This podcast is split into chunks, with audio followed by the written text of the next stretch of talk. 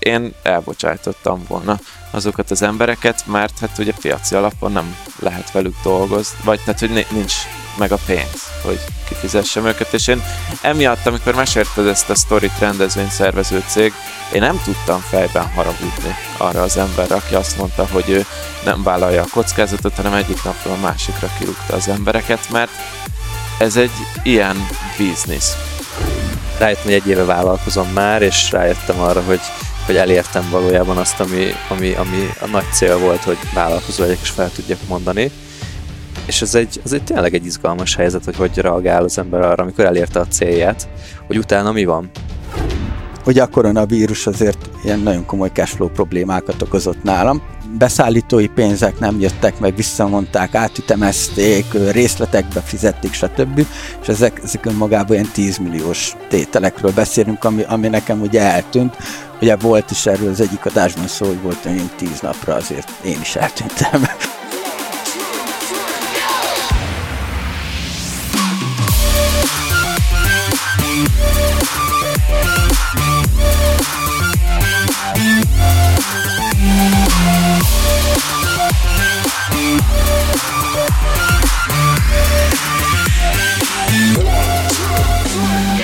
Sziasztok Business Boys hallgatók! Hát itt vagyok, visszatértem, megkaptam az adás előtt a dorgálást a fiúktól, hát nem raktam zsebre. Úgyhogy sok szeretettel üdvözlünk mindenkit, itt van mellettem Tomi, Adi, és én Virág Attila. Kihagytam az előző adást, ami, ami alapvetően egy nyárzáró adás volt, ugye, a nyári sorozatunknak az utolsó része, és mielőtt nekiindulunk az ősznek, és visszatérünk a régi kerékvágásba, a vendégek, komolyabb update adások, saját bizniszek, stb. Nézzünk egy kicsit vissza a nyárra, amit, amit ebben az adásban úgy gondoltunk, hogy egy ilyen mini update adás lesz, mind a háromunknak lesz 20 perce. Kivel mi történt? Kivel mi történt, kicsi magánélet, kicsi biznisz, és akkor megnézzük, hogy a, ezt a kvótát tudjuk-e tartani de szerintem már egy másfél órás adás lesz ez is. Lehetséges. Na, srácok, kivel mi történt? Képzeljétek, én elmentem szabadságra múlt héten, Aha. és nagyon rosszul éreztem magam. Miért? Mert hogy rájöttem, hogy még nincs, nem alakult ki a vállalkozói szabadságra menés kultúrája az én életemben, ami ugye az van, hogy egy munkahelyen az ember szépen mm, kicsekkol az irodából, beállítja az out of office autorespondert, és mindenki a környezetében tudja azt, hogy nem lesz ott az irodában, hónapokra előre le van zsírozva, mindenki mindent megbeszélt, Na most én ezt az ügynökségnél, meg a coachingnál jól meg tudtam csinálni, de egy csomó minden más jött be, ugye? Egy, nem tudom, 6-7 vasat még tartok a tűzbe olykor, és, és annyira rosszul éreztem magam azért, mert hogy próbáltam magamra erőltetni azt, hogy nem foglalkozom ezekkel, de közben meg jöttek. Jöttek az e-mailek, a kérdések, lehetőségek, megkeresések, stb. És, és nagyon nehéz volt ezekre magamnak nemet mondani. Általában egyébként végül azt csináltam, hogy nemet mondtam arra, hogy ezekkel a dolgokkal foglalkozzak, csak ez egy csomó galibát okozott. Úgyhogy így még nem állt be nekem ez a, ez a rendszer, és azt akartam mesélni nektek, hogy az a furcsa felismerés ebben, hogy most már minden, amit csinálok, az gyakorlatilag az megvalósulása egy csomó célomnak, meg álmomnak. Minden biznisz, amit csinálok, minden vállalkozás, minden projekt, az valahogy az én fejemben egyszer csak még egy cél volt hónapokkal, évekkel ezelőtt, egy óriási vágy, és óriási bűntudatom volt ezen a héten, hogy, hogy ezeket a pici kis lépéseket, amik olykor csak egy e-mail megválaszolása, azt ezért a célomért nem teszem meg. Szóval egy ilyen belső vívódással telt ez az egy hét. Nyilván voltak jó pillanatai is ennek a dolognak, például megnyertem a BL-t a FIFA-ban a csapatommal. Gratulál. De ez, ez, ez, ez, nem olyan nagy teljesítmény, hiszen ezt rendszeresen évről évre megteszem. De hogy, hogy körül ennyit tudtam letenni az asztalra egy hét alatt. De ez jó. Mások mennyit küzdenek ezért, meg gyakorolnak. Bizony. jó, mondjuk milyen szinten csináltad? Professional level. Ja, bocs hát, tudod, az alap. Én ja, ott születtem. nem, van még fölötte is. Na, de mit gondoltok erről? Ti hogy tudjátok kezelni a szabadságot? Ez nekem is nehéz volt mostanában, mert most vettem észre, hogy bár négy órákat dolgozom naponta, amiről ugye mindig, amivel mindig piszkáltok, De hogy most vettem észre, hogy idén még nem voltam viszont szabadságon. és, és hogy vetted észre? Hogy... hát úgy, hogy egyszer csak egy augusztus volt, és megnéztem az előző hónapokat, és minden nap dolgoztam, mármint hétköznapokon, ha. és utána tényleg fura érzés, hogy amikor így benne vagy ebben, még ha nem is dolgozol így napi 8 órát, meg ilyesmi, de benne vagy ebben a rutinban, hogy így mindig dolgozol, tök nehéz az, hogy na ma nem nézem meg az e-mailjeimet, és nekem is ugyanez az érzésem volt, elmentünk nyaralni, hogy, hogy fú, hát ez azért fura, hogy nem nézem meg az e-mailjeimet, meg hogyha van egy-két SOS, arra még válaszoltam, de aztán ez el, a, el apadt ez az érzés, végül, és most ott vagyok, hogy most már elvileg dolgozom, de még mindig nincs kedvem megnézni az e-mailjeimet, és tegnap például nem is néztem meg, pedig elvileg dolgozom, ami amúgy tök jól jött ki, mert így tudtam koncentrálni e-mailezés nélkül egy másik projektre, full egész nap egy projekten dolgoztam, és semmi máson, úgyhogy az így jó volt, de igen, de ezt átérzem, ezt a nehézséget, hogy egyszer csak így ki kéne csekkolni, de nem tudsz kicsekkolni, mert, mert ott van a fejedben a rutin. De az is nehéz ebben, hogy, hogy valójában ezekkel a projektekkel én önmegvalósítok, és olyan, mintha önmagamból kéne kicsekkolni, Igen. a saját személyiségemet kéne eltenni egy, nem tudom, bezárni valahova, egy lakatot rátenni arra az ajtóra, és hiába dörömből bent a személyiségem, hogy ki akar jönni, és így az ajtó alatt csúsztatja be nekem az üzeneteket, hogy azokat nem olvasom el, és ez egy furcsa bűntudat, olyan, mint hogy saját magammal kellene így megküzdenem, és ez, ez alkalmazottként ez nem volt ez a probléma annyira. Na de tudod, mi a nagy trükk itt szerintem az, hogy a személyiségednek nem csak a munka a rétege. Én például akkor kezdtem el elfelejteni a, az e-maileket, meg a munkát, amikor elkezdtem a nyaralás alatt többet sportolni. Uh-huh. És akkor így ráálltam erre, hogy akkor most izé elmegyek minden nap futni, meg, mert amúgy nem szoktam ennyit, meg mit tudom én, tegnap voltam jogázni, amit nem csináltam, és akkor most ez, ebben a mindsetben vagyok, hogy most ezt a részét fedezem fel a személyiségemnek, hogy ez mennyire tetszik, és akkor így már elfelejtem, mert ez is, ez is tökre bennem van bennem is, hogy így már elfelejtem azt, hogy nekem dolgozni kell a blogon, meg kurzusokon, meg kurzus résztvevőkkel, meg ilyesmi. Aha, értem. Ati, te hogy mész szabadságra, vagy tudsz-e ennyi projekttel a hátadon? Én, én ezekben a dolgokban mindig ilyen adhok jellegűen viselkedem. Tehát, hogy ha sok volt a puttonyba, és, és szellemileg is kimerültem, meg minden, akkor egyszerűen nem érdekel, és akkor, és akkor félre rakom. De például most, hogy, hogy pörögnek a dolgok, és megyek egy hét idéző jelesen szabadságra, én viszek laptopot attól magammal, mert, mert olyan, olyan dolgok folynak, ami, ami egyrészt kellemes dolgozni rajta, és, és, és akarom és ezt tudom, hogy ez ilyen klasszikusan, meg ilyen, ilyen bullshitesen hangzik, de hogy, hogy nem tekintem úgy munkának, ami nem férne bele mondjuk egy, egy, egy, egy nyaralásnál, mondjuk egy, egy ebéd után egy jó rozéfröcs mellett kinyitom a laptopot, megnézem, jó, ez még ráér egy pár napot, hogy válaszoljak, de ezt most megválaszolom, mert egy kicsit előrébb tudom gördíteni ezt az egészet, és nem, nem megterhelő. Tehát, hogy, hogy valamikor így, valamikor úgy, fejemben nincs egy, nincs egy koncepció, nincs egy, nincs egy cél, hogy én hogy akarok nyaralni, hanem, hanem ahogy esik, úgy puffan.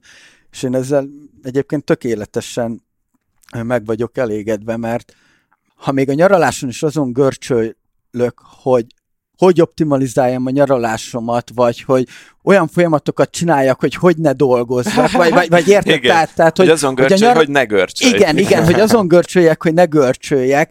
Én ezt nem akarom, én nem akarok tehát azért ezt, ezt tudja mindenki rólam, hogy én nem akarok ennyire tudatosan élni, hogy, hogy mindenre van egy folyamatom, és, és van, egy, van egy szenárió, és akkor az, az mindig úgy van.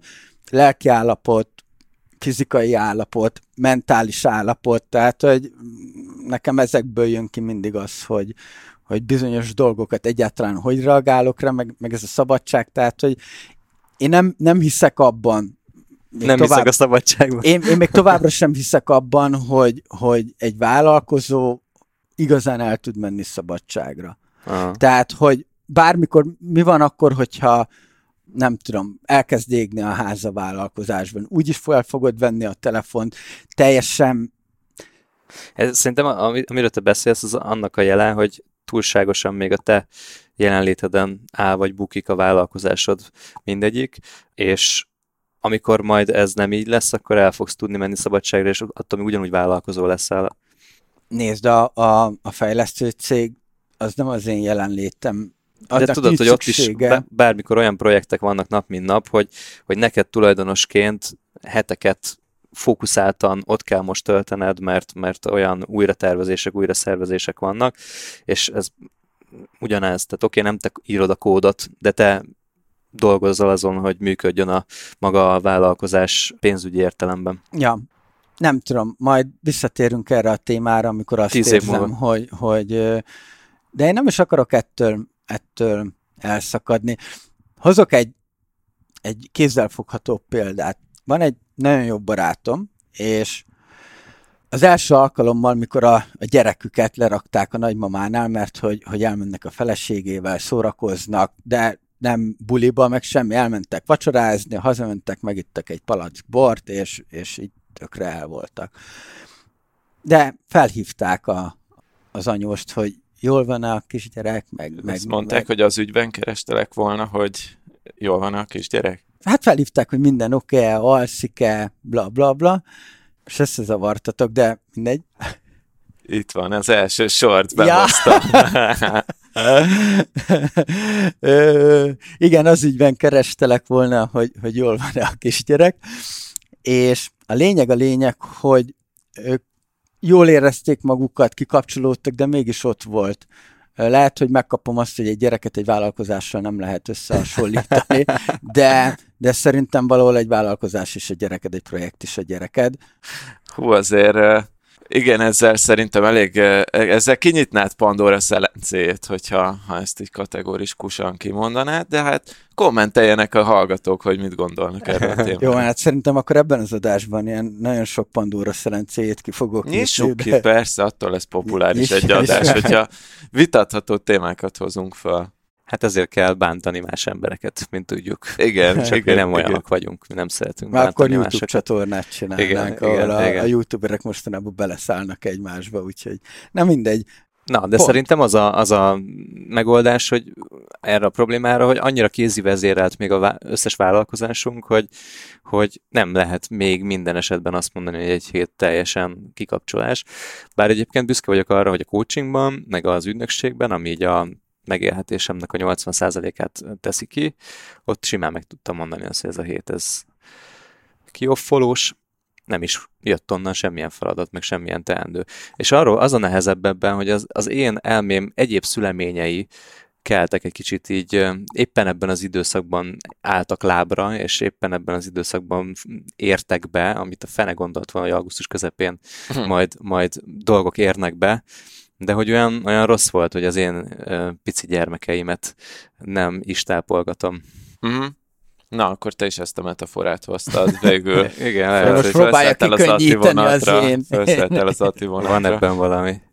Ne, nekem amúgy az online kurzusoknál az volt, hogy én launch modellben dolgozom, ami azt jelenti, hogy mostanra nyárra már lezárultak azok a munkás részek a, a, a kurzusokkal, legalábbis ami a fő megélhetést hozza amire tényleg ott kell lenni, tehát június végén, július elején véget ért a kurzus, néhányan megcsúsztak velük, július végére befejezték, az augusztus már ilyen szempontból szabad volt. A másik kurzusomra, amire meg mindig lehet nevezni, arra kiírtam ilyen nagy piros betűkkel a vásárlás gomb fölött, fölé, hogy csak akkor vedd meg ezt a kurzust, vagy pontosabban azt, hogy ehhez a kurzushoz július-augusztusban egyáltalán nem lesz support, akkor vedd meg, ha ez neked oké, okay, refundot adok amúgy, hogyha kell, tehát hogyha olyan, akkor arra itt vagyok, de másra nem. Aha. És akkor ennyi. És néhányan amúgy még vásároltak is kevesebben, mint szoktak, de ezzel így én fizikailag távol tudnék lenni a vállalkozástól. Nekem inkább az volt a probléma, mint neked is, Adi, hogy fejben én leszakadni úgy, hogy mondjuk 8 hónapot tényleg egy egybe dolgoztam, és akkor utána hirtelen ilyen kéziféket Igen. behúzni. És ennek most tudom, hogy nem szoktunk a koronavírusról beszélni, meg hogy ilyesmi, de hogy azért e, szerintem ennek most nagy szerepe volt, hogy, hogy volt a koronavírus olyan szempontból, hogy azért nem lehet menni úgy nyaralni, tehát nincs ez, hogy most beterveztük, hogy akkor egy hónapra elhúzunk valahova, hanem azért úgy mindig dolgozgatott az ember, be volt zárva a lakásba, kicsit félt attól, hogy most mi lesz, hogyha leáll a gazdaság, inkább előre dolgozok, inkább most nem veszek ki szabadságot, és ezért így, így Ja, értelek, értelek. Jó, azért persze megoldottam, tehát jó volt, és nem egyszer volt az, hogy így hívott egy-egy barátom, hogy tudnánk-e összekoccanni holnap, és mentem, ott voltam, jól éreztem azért magam, tehát nem kellene senkinek sajnálnia engem, hogy, hogy a szobában ültem egy héten keresztül, és fifáztam, ami egyébként abszolút egy teljesen irigylendő dolog szerintem. Most egy hétig ezt kimaxoltam egyébként, meg, meg a baráti találkozókkal, és azt kell, hogy mondjam, hogy nem, nem keveset voltam másnapos ebben az időszakban, de hát Hát ez ilyen. Ez ilyen. ilyen. Meg kell tolni. Ezt meg, meg, meg kell tolni. Na, de még semmi update nem volt, csak itt small már mióta. Kivel mi van? Kezdjük Adival akkor. Én tudok, annyit, annyit tudok mondani, hogy, hogy képzeljétek el, hogy nagyon komoly elhatározásokra jutottam podcast business ügyileg. Aha. Ez lesz így a, ténylegesen a harmadik vállalkozásom és Kft-t fogunk alapítani. De ez már, ez már így fű alatt így növegetett azért, ez szóval kis, ez, kis ez nem így növegetett, igen, tehát kis együttműködésekben növeget, növegetett, olyannyira, hogy négy vagy öt olyan podcast volt, amit, amit mi menedzseltünk, de gyakorlatilag összeállt egy olyan szolgáltatás portfólió szépen lassan, ahogy mondtad, fű alatt, igazából sokszor így anélkül, hogy én bármit tettem volna értem, hogy rájöttünk, hogy 8-9 féle szolgáltatást tudunk nyújtani podcast készítés szintjén, amit még egyébként szeretnénk is nyújtani, és élvezzük ezt a dolgot. És most jön ki talán a felvétel napját követően jön ki az egyik legprofi podcast, amit egy cégnek készítettünk. Refect lesz a neve, majd berakom az átcsoportba, és akkor meg lehet hallgatni el kell mondjam, hogy magasabb minőségű, mint a Business Boys minden értelemben. Az igen? Igen, castingoltunk műsorvezetőt hozzá, profi rádiós műsorvezetőt hoztunk, nagyon-nagyon ügyes, nagyon komoly vendéggel indul az első rész, a szignálok úgy vannak külön szinkrohanggal felvéve, hogy ahogy azt kell, tehát tiszta Amerika, de mondhatjuk most már, hogy ez, ez bejött ide Magyarországra, amit mi a szerintem most már elég magas És rendes stúdióban vinni. van felvéve? Stúdió minőségben, nem rendes stúdióban, de olyan eszközökkel, olyan mikrofonokkal, amik így a top kategóriát jelentik, tehát gyakorlatilag a, nem tudom, a Balázsék ilyen mikrofonon vesznek fel. Úgyhogy, úgyhogy erre nagyon büszke vagyok, és ez hát nyilván vérszemet adott nekünk ez a projekt, meg az összes eddigi. Úgyhogy még idén megalakul a KFT, podcasters.hu néven fog Hoppá. menni, Hoppá. zével podcasters.hu. Igen, te szereted ezt a nehezen leírható Én akartam neveket. Egy akartam egy kicsit rájátszani a Business Boys-re, és akkor ott az az év befigyel ott a végén a podcastersnek. De ez, Tehát van, ez egy, van egy elég... Business Boys klónunk. Igen, ez, ez nem elég, hogy a businessboys.hu-t nem tudja leírni senki, mert e-mailben még soha senki nem talált el, hogy hogy kell leírni, hogyha írtak nekünk. Hány ilyen visszapattanó akkor... e-mail lehet a businesboys.hu-ra? Igen, de te külön egy KFT-t csináltál ami, ami, hát persze, ez majd csak a domain lesz, ez a domain lesz, de, domain lesz, de lehet, igen. hogy így fogják hívni a KFT-t is. Jó, arra kérjél majd számlát. igen, majd, majd a lead, kéred a számlát, hogy akkor a P, O, D. Igen. És akkor már tudod, már úgy jársz, hogy egy, egy posztitra, egy bélyegzőt rányomod, és úgy csak odaadod. a profit. Igen, igen. Azért régen voltak ilyen kemény nevű cégek. Igen, de ez van, ez tetszett, ezt eh, le is foglaltuk a domént, eh, lassan lesz honlap hozzá, meg egy kicsit egy ilyen arculatot össze akarunk rakni hozzá, és mm, szeptemberben elkezdődik a sales folyamat, ami ami érdekes, mert ugye pont az előző adásban beszélgettem arról, hogy nekem alapvetően network alapú a, a vállalkozásom, hogy így inkább megtaláltak az eddigi együttműködések, most kell egy próbát tenni, hogy én tudok-e másokat megtalálni ezzel uh-huh. a mhm. szolgáltatással. Többször egyébként így belefutunk, hogy mások is most már próbálkoznak ezzel a formátummal, hogy ezt eh, céges formában adják eh, el, úgyhogy sietnünk kellett, úgyhogy gyorsan összeültünk átbeszélni, mennyi az annyi, és, eh, és, és akkor így szépen úgy néz ki, hogy van egy üzleti tervünk, pénzügyi tervünk, és jól jönnek ki a számok ebben a tervben, próbáltam kellően pessimista lenni a számításoknál, úgyhogy, um, úgyhogy ez egy igazi vállalkozás lesz, azt kell mondjam. Tehát ez egy igazi olyan dolog lesz, ami, ami, amire már azt gondolom, hogy így teljesen zéró a semmiből, az én fejemből, meg az én tevékenységemből alakult ki, úgyhogy erre így nagyon büszke vagyok. Aha. Látom én is azt, hogy egyre többen kezdenek podcasteket indítani, ugyanúgy, mint ahogy mi két évvel ezelőtt, vagy három Igen. évvel ezelőtt el, elindítottuk. Az én, én fejemben már felmerült ez a kérdés, hogy ez önmagában a Business Boys-ra is nem -e veszély fog jelenteni, mert egyszerűen, tehát hetente legalább láttok egy új, új podcastet, vagy bejelentik, hogy jön a podcastjük, és hogy azoknak a, ezeknek az embereknek a, a közönsége valószínűleg minket ő, ő kezdett el hallgatni, de hogy meg fog oszlani a figyelem.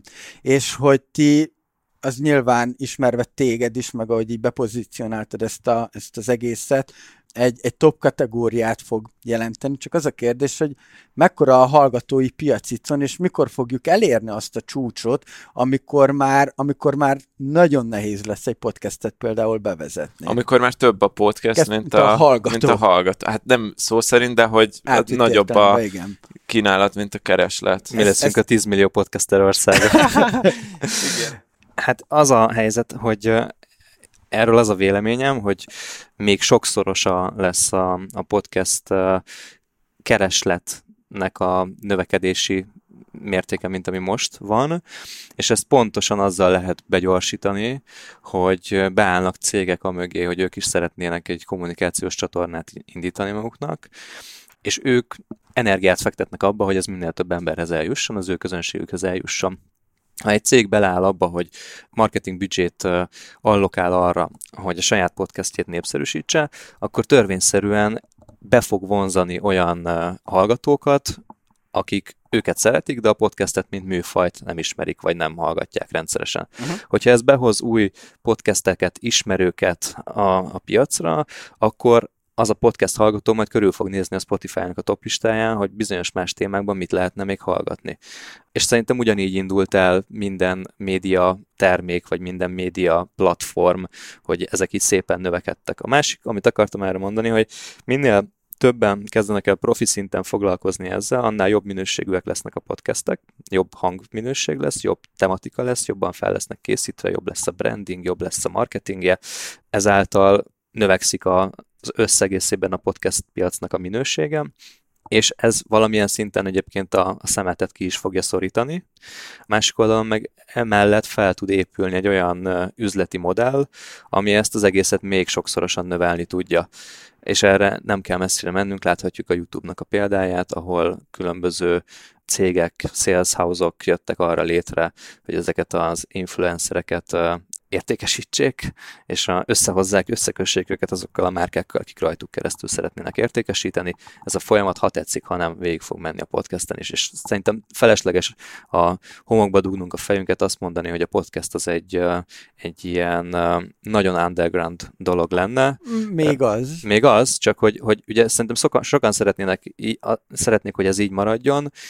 Láttam a, az egyik Beaton stúdiós podcastnek a, a kommentjei között egy, egy, egy egyes csillagos értékelési kommentet, hogy hogy képzelik azt, hogy reklámot tesznek a podcastbe. És hogy, hogy vannak ilyen emberek. felforgatók? Igen, a én is pont, én is pont olvastam. hogy hogy merészték, és a, meghallotta a reklámot, és ki is kapcsolta. Tehát, hogy ez, ez az, hogy azt gondolják, még szerintem sokan, Ugyanannyi hogy- gombnyomás alá is lehet tekerni. igen. Tehát nem, nem tudják, hogy, vagy azt gondolják az emberek, hogy ez még egy ilyen nagyon underground dolog, amit csak a kiválasztott kevesek hallgathatnak, de el fog jutni két-három éven belül oda ez a piac, hogy 5-10-szerese lesz a mai hallgatótábornak, és másik oldalon meg szerintem, hogyha mi, mint podcast készítők fejlődni szeretnénk, akkor nekünk a konkurencia az kifejezetten előnyös lesz, mert különben nem tudunk mi magunk sem fejlődni.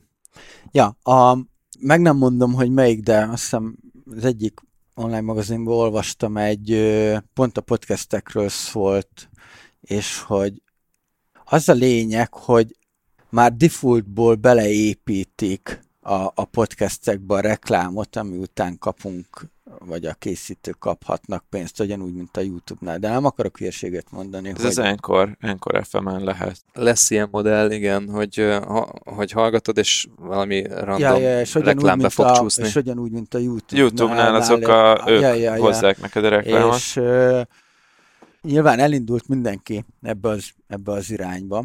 Tehát, hogy érdekes.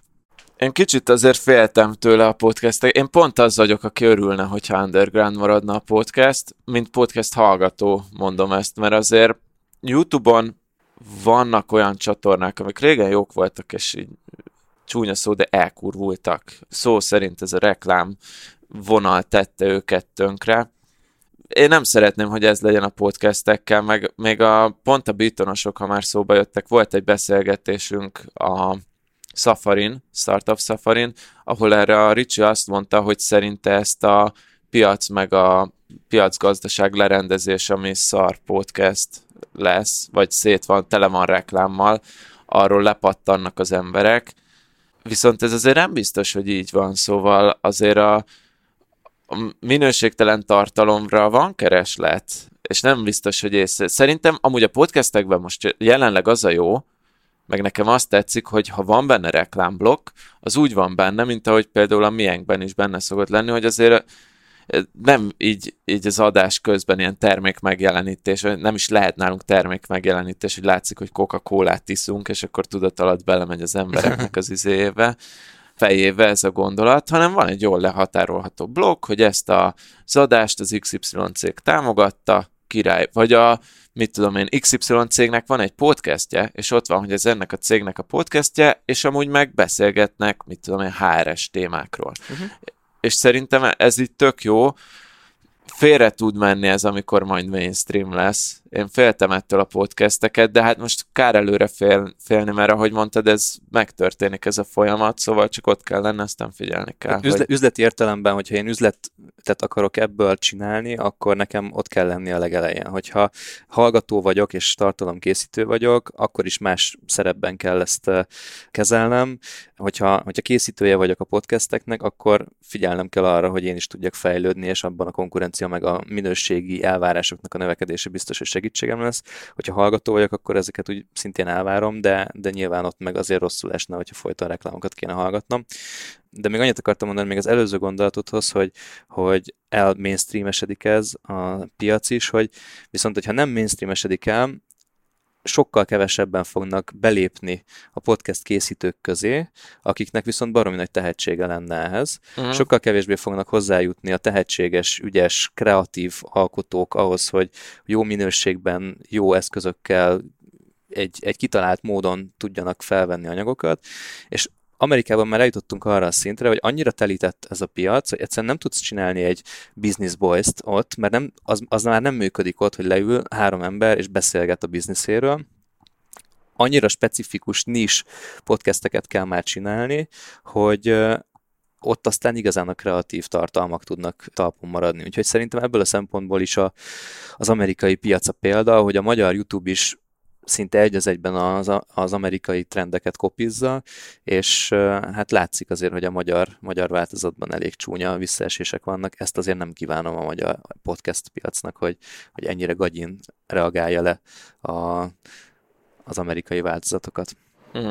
De beszélhetünk, most ne csak a YouTube-ról beszéljünk, hanem mondjuk a, az online hírfogyasztásról, meg az online hírportálokról, hogy azért ott is most minden politikát kivéve, ami így a, kivéve a témából, ami így a hetekben, hónapokban volt, általános trendként szerintem megfigyelhető az, hogy pont azért, mert hogy reklámok, reklámok, reklámokból él egy online újság, és nincs saját bevétele, mármint ilyen mondjuk egy feliratkozói díj, vagy, egy, vagy valami saját termék, amit upsell mint ahogy mi is például, vagy ahogy én például a blogomnak van egy ingyenes része, meg van egy fizetős része.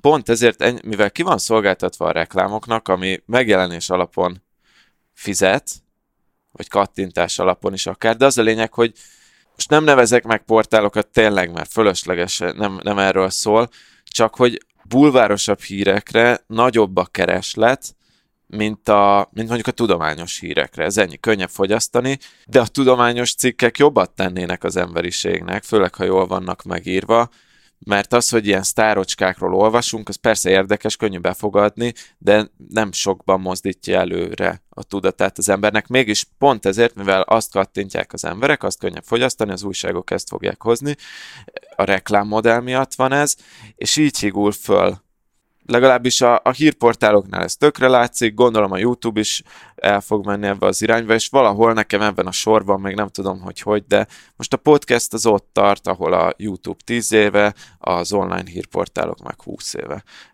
Nézd, nézd a kapitalizmus úgy is elviszi ezt az egészet, a, ezt már több adásban is említettük, meg már, már százszor végigbeszéltük, hogy a, a podcast az egy, az, egy, az egy új marketing csatorna.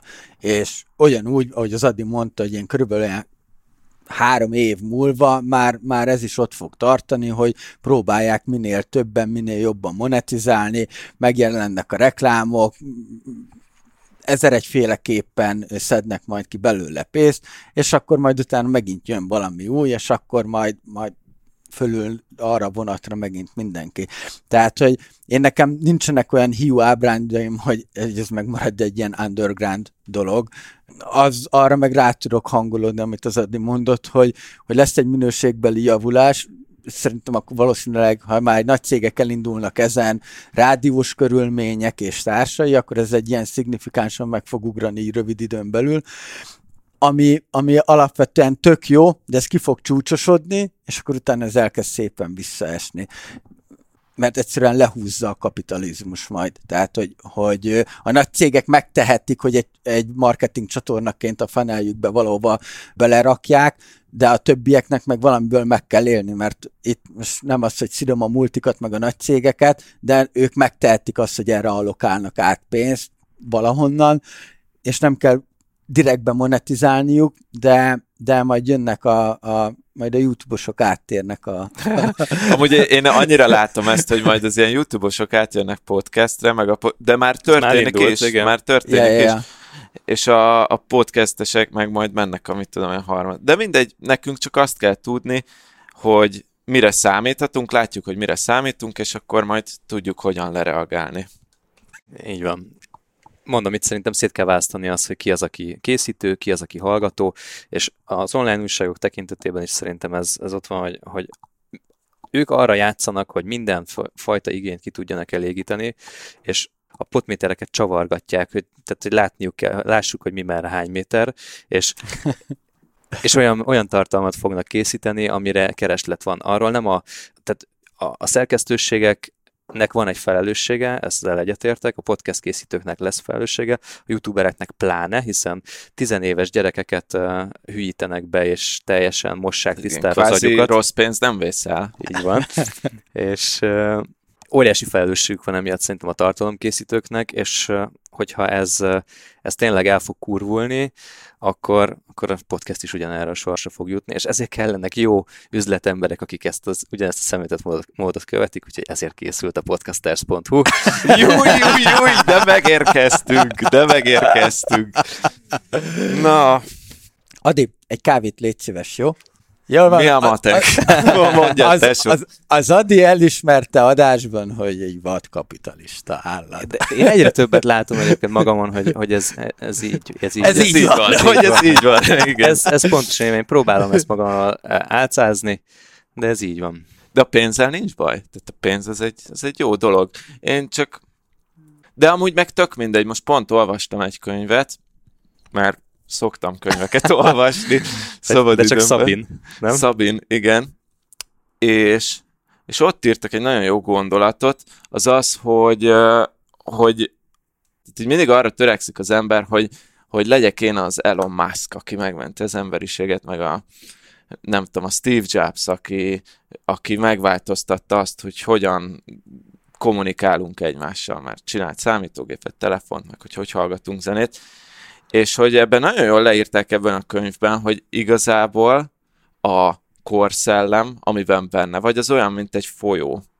És te ebben a folyóban hal vagy, és a hal az nem fogja megmondani a folyónak, hogy merre folyjon. Te tudsz a folyóban, hogyha ügyes vagy felfelé úszkálni, vagy mész az árra, hogyha nem vagy elég erős, de alapvetően a folyó az arra fog folyni, amerre folyni akar, te meg mész vele, és ugyanezt történik amúgy a podcast piacon is, hogy, most lehet itt azon amúgy sírni, mint ahogy én is sírok, hogy majd egyszer ez mainstream lesz, meg leromlik, de igazából nekünk arra kell koncentrálni, vagy amit tudunk csinálni, az az, hogy mi fölfelé úszunk a folyón, kis halacskák, és hogy a Business Voice az jó maradjon, annak ellenére, hogy bejön a sok hígfos a, a, a piacra. Hát jó, nekem ezzel csak annyi a gondom, hogy ez minket is lefele fog majd húzni.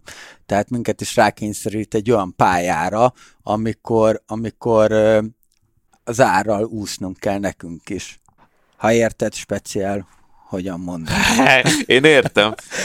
Na jó, viszont akkor Adi nálad ennyi az update? Nálam mennyi az update, alapvetőleg elvileg úgymond én befejeztem. Tomi, te At- jössz. Basszus, egy másodperccel előztem meg.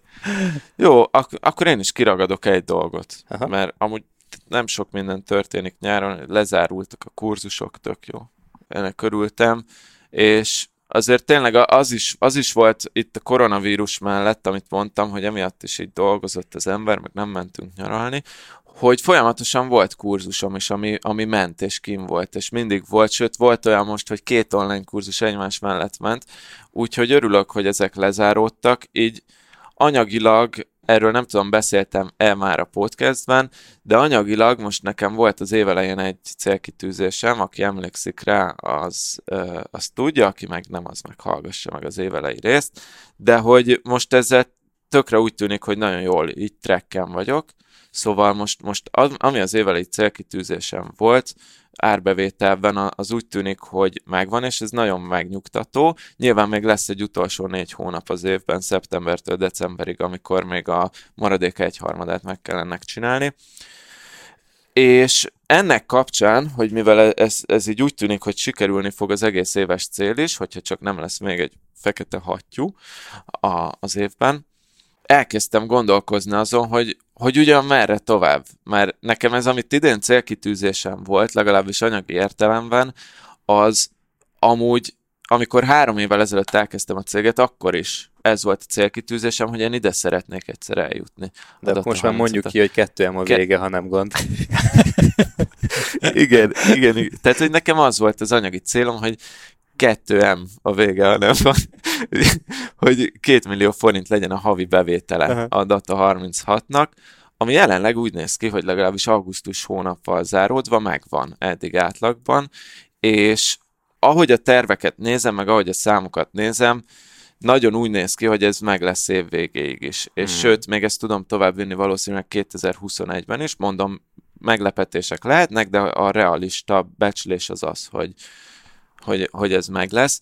És itt így elgondolkozik az ember, amikor elér egy ilyen mérföldkövet. Még egyszer, úgy indult a biznisz, hogy ezt el akarom érni.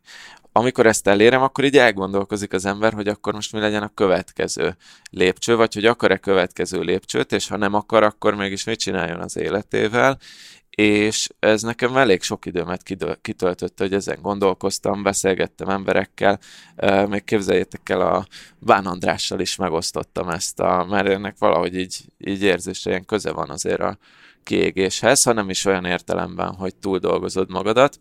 Na mindegy, úgyhogy nem, még nincs, nincs ilyen megfejtésem, de hogy az ezen való aktív gondolkozás az így kitöltötte a hétköznapjaimat. Most, amit láttok legalábbis Data 36 szint, egyrészt összeírtam egy csomó ilyen projektet, ami érdekel. Most nem megvalósítani akarom őket feltétlenül, hanem leírtam egy papírra, hogy mi érdekel, azt is leírtam különmelő, hogy számomra mik az értékek az életben, miket szeretek csinálni, és van 20 projekt ötlet itt, ami vel mindegyikkel szívesen foglalkoznak, és akkor amikor kedvem támad hozzájuk, akkor egyet-egyet ebből így elő fogok venni, már egy-kettőt elkezdtem csinálni.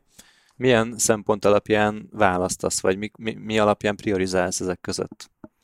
Hát, ahogy mondtam, hogy így összeírtam egy ilyen értéklistát ehhez, mármint, hogy számomra mik az értékek az életben, és hogy uh, miket szeretek csinálni, és ezek a filterek vannak, hogy ezeken így nagyjából átmenjenek ezek a projektek, de úgy alapvetően most amiket választottam, vagy amikkel elkezdtem foglalkozni, az egész egyszerűen az volt, ami, amivel van kedvem. Így nem. De tehát mondjuk aki Business Boys hallgató, az tudja, hogy tartottam ezt az élő webinárt, meg fogok is tartani, van egy, egy ilyen élő webinárium sorozatom a Business Boys berkeim belül, aminek az a cím, hogy minden, amit online kurzusokról tanultam, akit érdekel, menjen föl a businessboys.hu per benne lesz a show notes-ban, hogy hova kell felmenni. businessboys.hu per online kurzusok, vagy valami ilyesmi. Aha. És ez is egy olyan, hogy ebből igazából nem jön bevételem, viszont jelenleg, viszont tökre szeretné,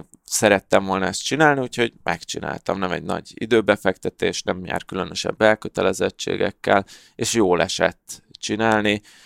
Most már láttam azt is, hogy ebből esetleg hosszú távon hogy lehet bevételem, ami tehát tényleg nem ezzel a célral vágtam neki, meg nem is aki most a webinártól fél, hogy ott nagyon durván monetizálva lesz, meg ilyesmi, vagy upsell nem ott lesz, vagy ilyen az a tervem, hogy írok belőle cikkeket, angol nyelvű cikkeket, és az angol nyelvű cikkekben lesznek ilyen affiliate linkek, és akkor azzal ilyen kis passzív bevételke Oha, tud jönni.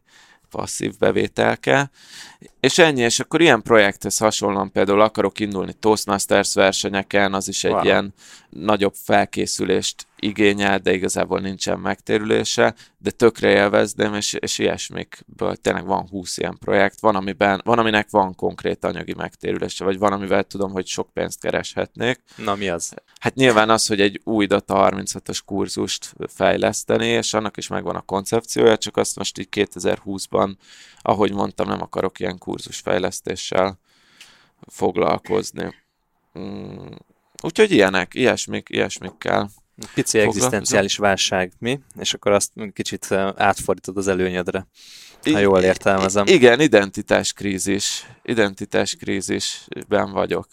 De, de, de a pozitív értelemben, szóval nem úgy, mint amikor tudjátok, ilyen tiniként keresi Aha. az ember, hogy melyik egyetemre menjen, vagy nem tudom, és csak rosszul tud dönteni, hanem most ilyen lehetőségként élem meg, de van egy, amikor ezzel először szembesültem érzéssel, akkor egy ilyen keserű íz volt amúgy a számban, hogy ugye három, az elmúlt három évben én az voltam, aki ezt csinálta, és most elértem egy célt, és akkor felmerül bennem a kérdés, hogy akkor most mi leszek, vagy akarom ezt tovább csinálni. Amúgy fogom csinálni tovább a Data 36-ot is, meg nem fogom passzívvá tenni, és arra is van egy tök jó ötletem szerintem, hogy hogy tudom ezt magamnak érdekessé tenni, azon túl, hogy most már nem, a, nem az anyagi cél az elsődleges benne, az meg az lesz, ezt neked Adi már meséltem adáson kívül, hogy most a Data 36 Az előző az, adásnál, ugye? Ahol, ahol nem jöttél, igen. Ez, ez az az adás volt. Sejtettem. és ott meg az a tervem, hogy nem a tervem, hanem most ahhoz van kedvem, hogy minden témát most úgy fogok feldolgozni, ami érdekel, hogy ilyen nagyon átfogóan, hogy most írok egy cikket egy statisztikai fogalomról, várható érték, és eddig az lett volna, hogy írok egy cikket a honlapomon. Most viszont írok egy cikket a honlapomon, ami ilyen tutoriál, pár más blogon írok ilyen guest posztokat, amik ilyen populárisabb olvasmányok, például az egyik a arról fog szólni, hogy miért nem szabad kaszinóba járni, és az, egy, az szerintem az egy ilyen izgi téma, ahol előjön ez a fogalom, és rávezeti az embereket erre, lesz ebből egy podcastes formátum, lesz ebből egy YouTube-os formátum, és így megpróbálom minden több szemszögből megmutatni ugyanazt a témát, hogy egy nagyon komplexen meg legyen, fel legyen dolgozva ez a téma, és most valahogy így ez izgat, hogy így hogy tudok több médiumot úgy mozgatni, hogy valamit így jól uh-huh. elmagyarázni. Ismerős egyébként ez a gondolat, ez a, ami, amiről te úgy általánosságban beszélsz, ezt én is megéltem, amikor egy éve rájöttem, hogy egy éve vállalkozom már, és rájöttem arra, hogy, hogy elértem valójában azt, ami, ami, ami a nagy cél volt, hogy vállalkozó legyek, és fel tudjak mondani.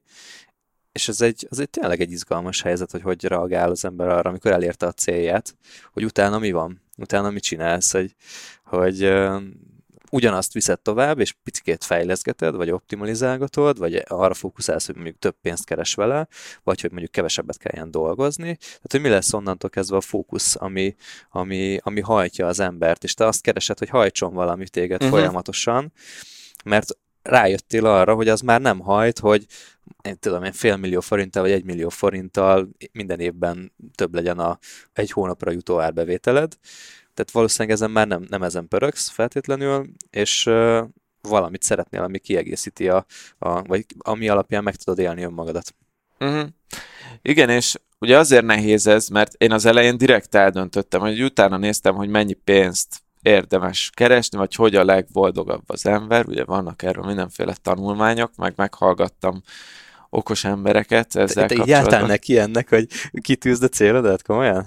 É, Hát ennek az anyagi célnak, ennek konk- nem így direkt bekerestem, Aha. de hogy sokat foglalkoztam ezzel a témával ösztönösen, és valahogy így mindig ez jött elő, ez a Amerikából áthozva is, de így lefordítva az összegeket, kb. ez a két millió forint, ez az a szint, aminél többre nincs szüksége amúgy az embernek, legalábbis 2020-ban, vagy nem ad már hozzá úgy a boldogságához, és sőt ezt a Ty Lopez-t ismeritek? Persze.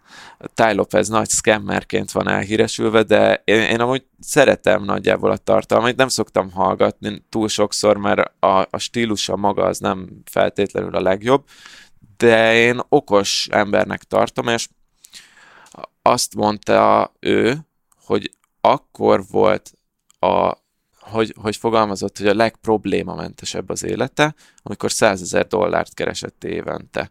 És azért, mert hogy azt mondta, hogy az az a szint, amikor már tényleg így elutazhatsz akármelyik városba, ahol akarsz, nagyjából olyan étteremben eszel, amiben akarsz, nyilván nem veszel belőle Lamborghini-t, meg Ferrari-t, meg ilyesmit, de nincs is rá szükség, de hogy az az a szint, amivel így, így egy nagyon boldog életet élsz, és a fölött, amikor ő annál gazdagabb lett, mert ő, ő nem állt meg itt, hanem ő mondta, hogy neki aztán bejött az, hogy 100 ezer dollárt keres havonta, 100 ezer dollárt hetente, most már 100 ezer dollárt naponta, meg még többet, és hogy mondta, hogy már, már volt vele olyan, hogy a takarítónője beperelte azért, mert hogy elesett egy banánhéjon a házába, a saját takarítónője, és mondta, hogy ugye nyilván tehát ez egy bullshit per, de hogy azért csinálják meg ezt vele, mert tudják, hogy van pénz, és inkább kifizetés. Amikor nincs ilyen sok pénz, ezek nem történnek meg vele, és a pénz ilyen szempontból tud nyomasztó is Hát lenni. jó, én meg beperelném, hogy miért nem takarított normálisan. Tehát, Hogy- Na jó, de nem a- de- Elcsúszni a banánéjön, De ez, a, tehát ott. ez benne a vicc, csak ugye ja, ja. A, akkor gondtalan az életed, hogyha nem kell pereskedni egyáltalán. Persze. Szóval persze. ezért is, tehát így motoszkál a fejem, hogy tűzem ki új célnak, hogy 5 millió forintot keresek havonta, mit tudom én, két év múlva, vagy három év múlva, de, de nem vagyok benne biztos, hogy az a jó irány. Az egyszerű lenne most, mert akkor azt mondanám, hogy jó, és akkor megvan, és akkor Igen. induljunk el arra.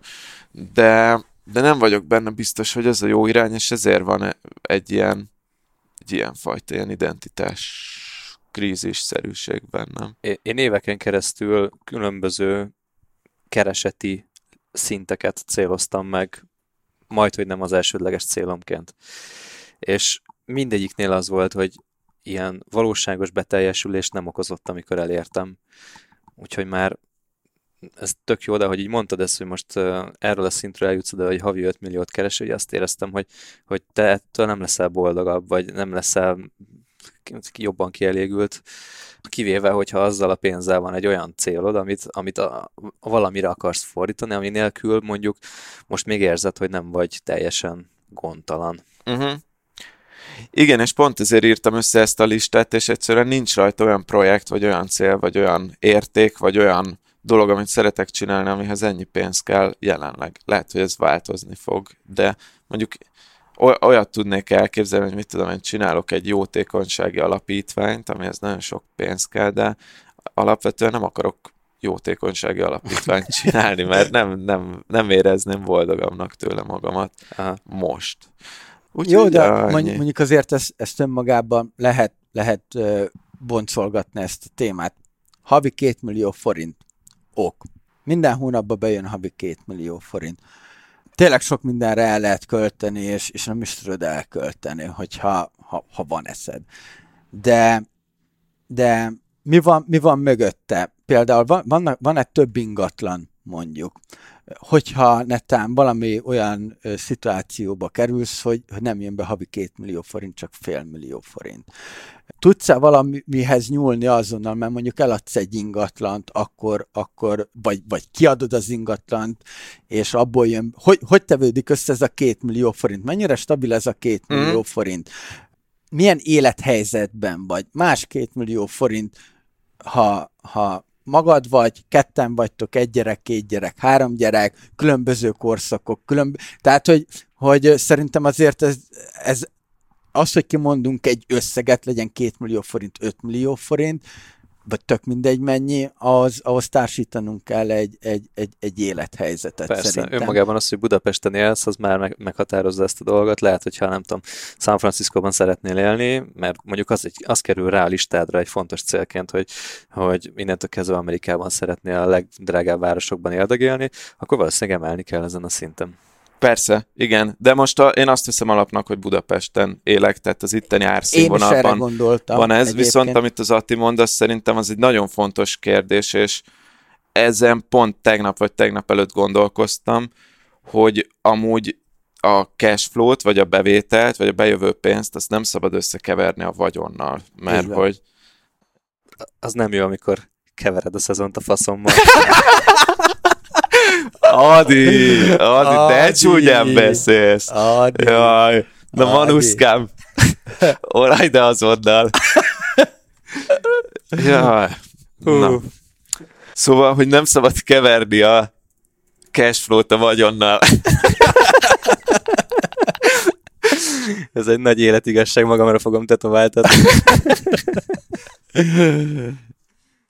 És biztos, hogy e- ebben a ez a két millió forintos bevétel, ez akkor stabil, meg akkor érzem magamat biztonságban, hogyha van mögötte egy vagyon is. Most az, az én szempontomból én úgy látom, hogy az mindegy, hogy ingatlanban van, vagy részvényekben, vagy akár cashben, vagy, vagy akármiben, de hogy, hogy legyen valamilyen biztonsági tartalék mögötte. Nyilván ez nincs felépítve, hiszen most jutottam el erre a szintre, eddig is tettem félre belőle, valamennyi biztonsági tartalékom van, de, de ez egy tök jogos észrevétel. Na és ez például, ez egy anyagi cél nekem most, hogy felépítsek e- erre a cashflow-ra építve, nem egy év alatt, nem két év alatt, hanem mondjuk 10-20 év alatt egy olyan megtakarítást, amire azt mondhatom, hogy azzal mondjuk így jó érzéssel mennék nyugdíjba.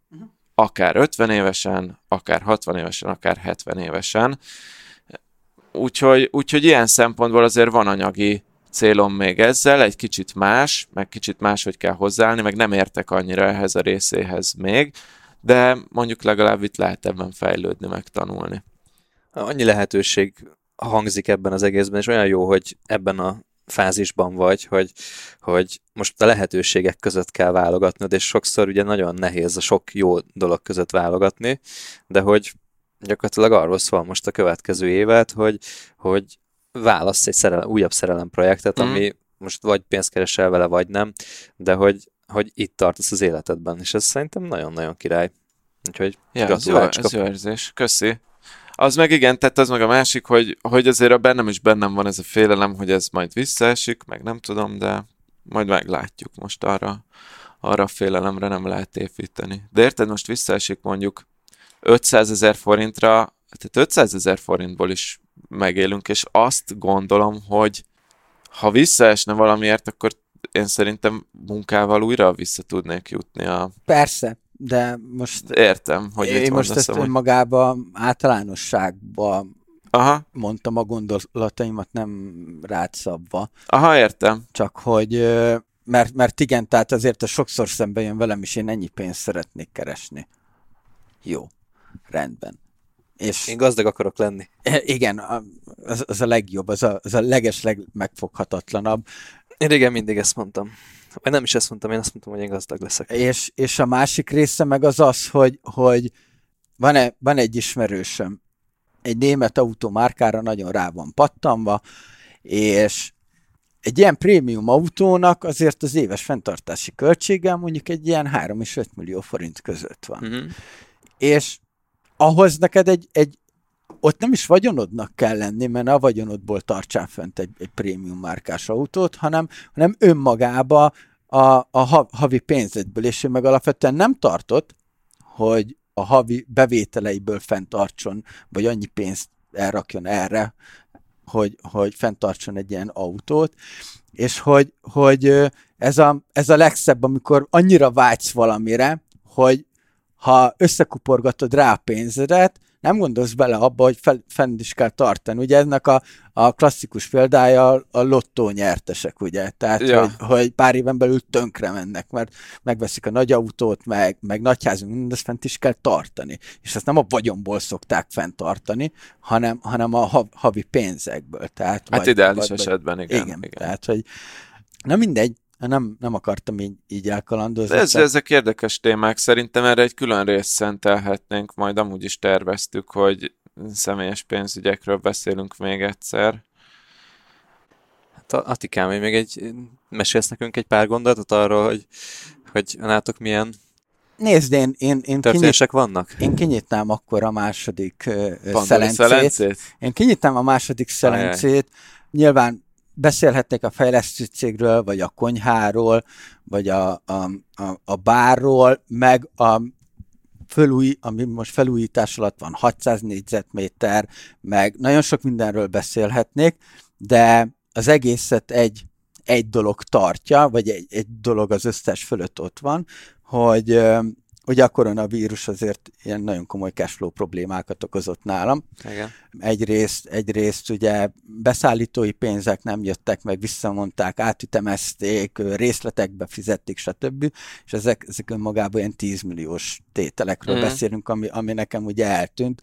Ugye volt is erről az egyik adásban szó, hogy volt én 10 napra, azért én is eltűntem. és ami, ami alapvetően pozitív ebben az egészben, hogy a, Covid miatt nekem nem kellett senkit kirúgnom sehonnan. Nyilván voltak megszorítások, van még, ahol most is van. Mi érdembeli támogatást nem kaptunk, nem, nekünk, nekünk önerőből kellett mindent megoldanunk. És erre alapvetően, tehát én, én 20 embernek a, a, a pénzéért, idézőjelesen fizetéséért is felelek, tehát hogy nem, nem csak otthon kell elszámolnom a pénzzel, ugye. És én ennek, ennek súlyos árai vannak, és most itt, itt, itt kinyitok egy nagyon nagy vitát, még így magunk között is, de erről már, már egyszer érintőlegesen beszélgettünk. Ugye nekünk most kvázi minden millió forintra szükségünk van, és hát legkézenfekvőbb dolog volt, hogy mi tíz éve már együtt vagyunk, volt lánykérés is, és hogy nagyon jó kamat, nagyon jó törlesztő részlet, és ez az a babaváró. Jú, jú, jú. Fú, öregem, kemény vagy. Én a mostani havi bevételeimből nagyon szépen meg tudnék élni. A mostani lehetőségeimnél annyira jó volt az ott, hogy a gyerekeimnek egy sokkal magasabb életszínvonalat tudok majd biztosítani, és hogy mi azért mentünk ebbe bele, mert van saját lakásunk, van, mind a kettőnknek van saját autója, most a spórolt pénzünk azért úgy, úgy, úgy elment, de hogy, hogy a, a fizetéseinkből megélünk. Tehát, hogy alapvetően mi úgy gondoljuk, hogy a mi életünk rendben van, de ezzel egy mind üzletileg, mind magánéletben, és belevehetjük ide a piszkos anyagiakat is, illetve, illetve a, a, a tapasztalatot, a tudást, a kapcsolatokat, amit, amit ezzel a, a, a pénzzel, vagy pénznek a segítségével meg tudunk lépni. Én ezt, én ezt otthon leengedélyeztettem, megbeszéltük, mert nyilván a házassághoz két ember kell, de Leengedélyezte. Megértette, és, és elfogadta azt, tehát mi babaváron nélkül is tudunk gyereket. Ez nálunk nem ezen múlik.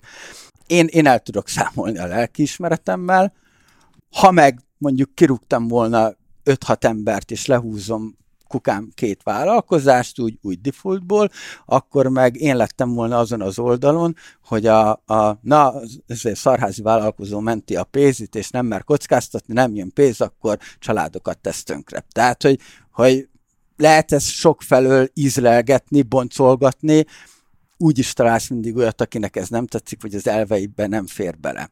És ö, én ezt meséltem egy korábbi adásban, amikor koronavírus ugye elkezdődött, volt egy több száz rendezvény szervező cég, és egyik napról a másikra kirúgott mindenkit. Uh-huh. És akkor, mert nem kockáztatott, és a vállalkozás az mindig a kockázatról szól. nem kockáz, védte azt a pénzét, ami, ami volt, és, és pont. És akkor ugyanúgy meg lehet, lehet azt is mondani, hogy na, az a szemét vállalkozó hány családot tett tönkre, meg meg lehet mondani is közölteni, hát figyelj, vállalkozó, matek ezt dobta ki, pont. Én meg itt próbálok, én ezt próbálom úgy kezelni ezt a, ezt a helyzetet, az én felfogásom szerint, hogy mi ezt bevállaltuk, megcsináljuk, a családban ezt megbeszéltük, és elmondtuk, hogy lehet rossz ízzel erre tekinteni, de, de ez akkor is így lesz, és ez a mi döntésünk. Hát respekt, hogy ezt így bevállaltad a nagy nyilvánosság előtt. Én, én félig egyetértek veled, félig meg nem. Abban a részében egyetértek, hogy ez ugye ez egy szabad felhasználású hitel, és ha közvetve, tényleg így, ha neked ez úgy van a fejedben, hogy közvetve ezen keresztül majd a gyerekednek jobb lesz, akkor én meg nem is tartom inkorrektnek. Én állami hitelt, vagy állami támogatást azért nem veszek föl, amúgy át, most még nem vettem föl legalábbis, ideértve ezt a babaváró hitelt is, mert két dolog miatt. Az egyik az az, hogy, hogy annál meg én vagyok kapitalistább, mint hogy sem a, az állami, tehát hogy, hogy az állam segítsen ki. Tehát én, én ebben az esetben tök őszinte leszek, ez akkor ez egy másik Pandora szelencéje, én elbocsájtottam volna azokat az embereket, mert hát ugye piaci alapon nem lehet velük dolgozni, vagy tehát, hogy nincs meg a pénz, hogy kifizessem őket, és én emiatt, amikor mesélted ezt a sztorit rendezvény szervező cég, én nem tudtam fejben haragudni arra az emberre, aki azt mondta, hogy ő nem vállalja a kockázatot, hanem egyik napról a másikra kirúgta az embereket, mert ez egy ilyen biznisz. Ő a vállalkozó, lehet vele egyetérteni, meg nem egyetérteni, meg tényleg ez ilyen érzelmi beállítottság, hogy morálisan el tud-e számolni az ember azzal, hogy 300 embert kirúg, de a nap végén nagyon sokáig ő vállalta a kockázatot, ő vállalkozott, ő juttatta el odáig a céget, és az ugyanúgy az ő döntése lehet az, hogy ezt bezárja. A te döntésed meg az volt, hogy te válasz további kockázatot, és felveszed az állami támogatást. Úgyhogy ilyen szempontból szerintem nincs baj egyik oldallal sem, és igazából ezzel így el is mondtam mindkét dolgot, amit, amit akartam erről mondani. Amúgy ez tényleg egy vitás téma, tehát hogy azért, ha, ha valakinek van erről vélemény az árcsoportban, Ojjaj. szerintem, vagy ne? De, ne? mehet. Mehet? Mehet. Jó, Um, akinek van véleménye, az ne kommenteljen. az folytja magába. Csak előtte mindenki gondolkozzon el azon, hogy Jó, Jó, nyilván. saját családjában vagy a környezetében van-e Ne, nyilván, kultúrát, tehát a, De a nem- fe- Facebook csoportban általában kultúrát Persze, szoktak persze. menni. Szerintem előrébb vagyunk attól, hogyha ebből tud lenni egy kultúrát vita ott, és mindenki elmondja a, az érveit. ö, folyt köv majd, mert Meglátjuk, mi lesz a babaváró Mondjuk hitellel. engem rég kurtak fel már ennyire.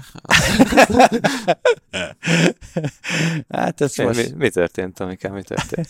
Ja nem, ez a, ez a, ez a Zatira még reagáltam egy utolsó sorral a kis, a kis dalunkból, illetve utolsó előtti. Szóval ez volt már a Business Boys, szerettünk volna egy kicsit update-et adni magunkról, sikerült belenyúlni egy-két zűrösebb témába szerintem, Hát egy igen. kicsit ilyen elég nyíltan kezeltük ezt a mai eh, adást, konkrét számokról volt szó, a 2M megjelent, a, a vállalkozói kiégésről volt egy kicsit szó, Ati meg hát itt robbantotta a bombát, eh, de szerencsére legalább eljött az adás felvételére, úgyhogy ezért eh, örökké hálásak leszünk neki. Na az a lényeg, hogy reméljük, hogy jól éreztétek magatokat, és szeretnénk, hogy értékeljetek minket az iTunes-on. Ha nincs is iPhone-otok, kérjetek el egy ismerősötöknek az iPhone-ját, és az ő nevükbe is egy öt csillagot pattintsatok ránk, létszi. Voice-on pedig tudtok minket hallgatni, és van egy nagyon jó kis kuponunk, amit a businessboys.hu per Voice oldalon a hangos könyvekről kapcsán be tudtok váltani. Sok lesz Adi. Takarod, vágod? Ennyi kell. Tiszteletem, szevasz uram Élmény volt, szia uram Fussunk neki, játsszuk meg, szevasz uram. Helyileg mikor szevasz uram? Le vagyok merülve, szia uram. Szörges meg, írjál rám, lőjük be, szevasz uram.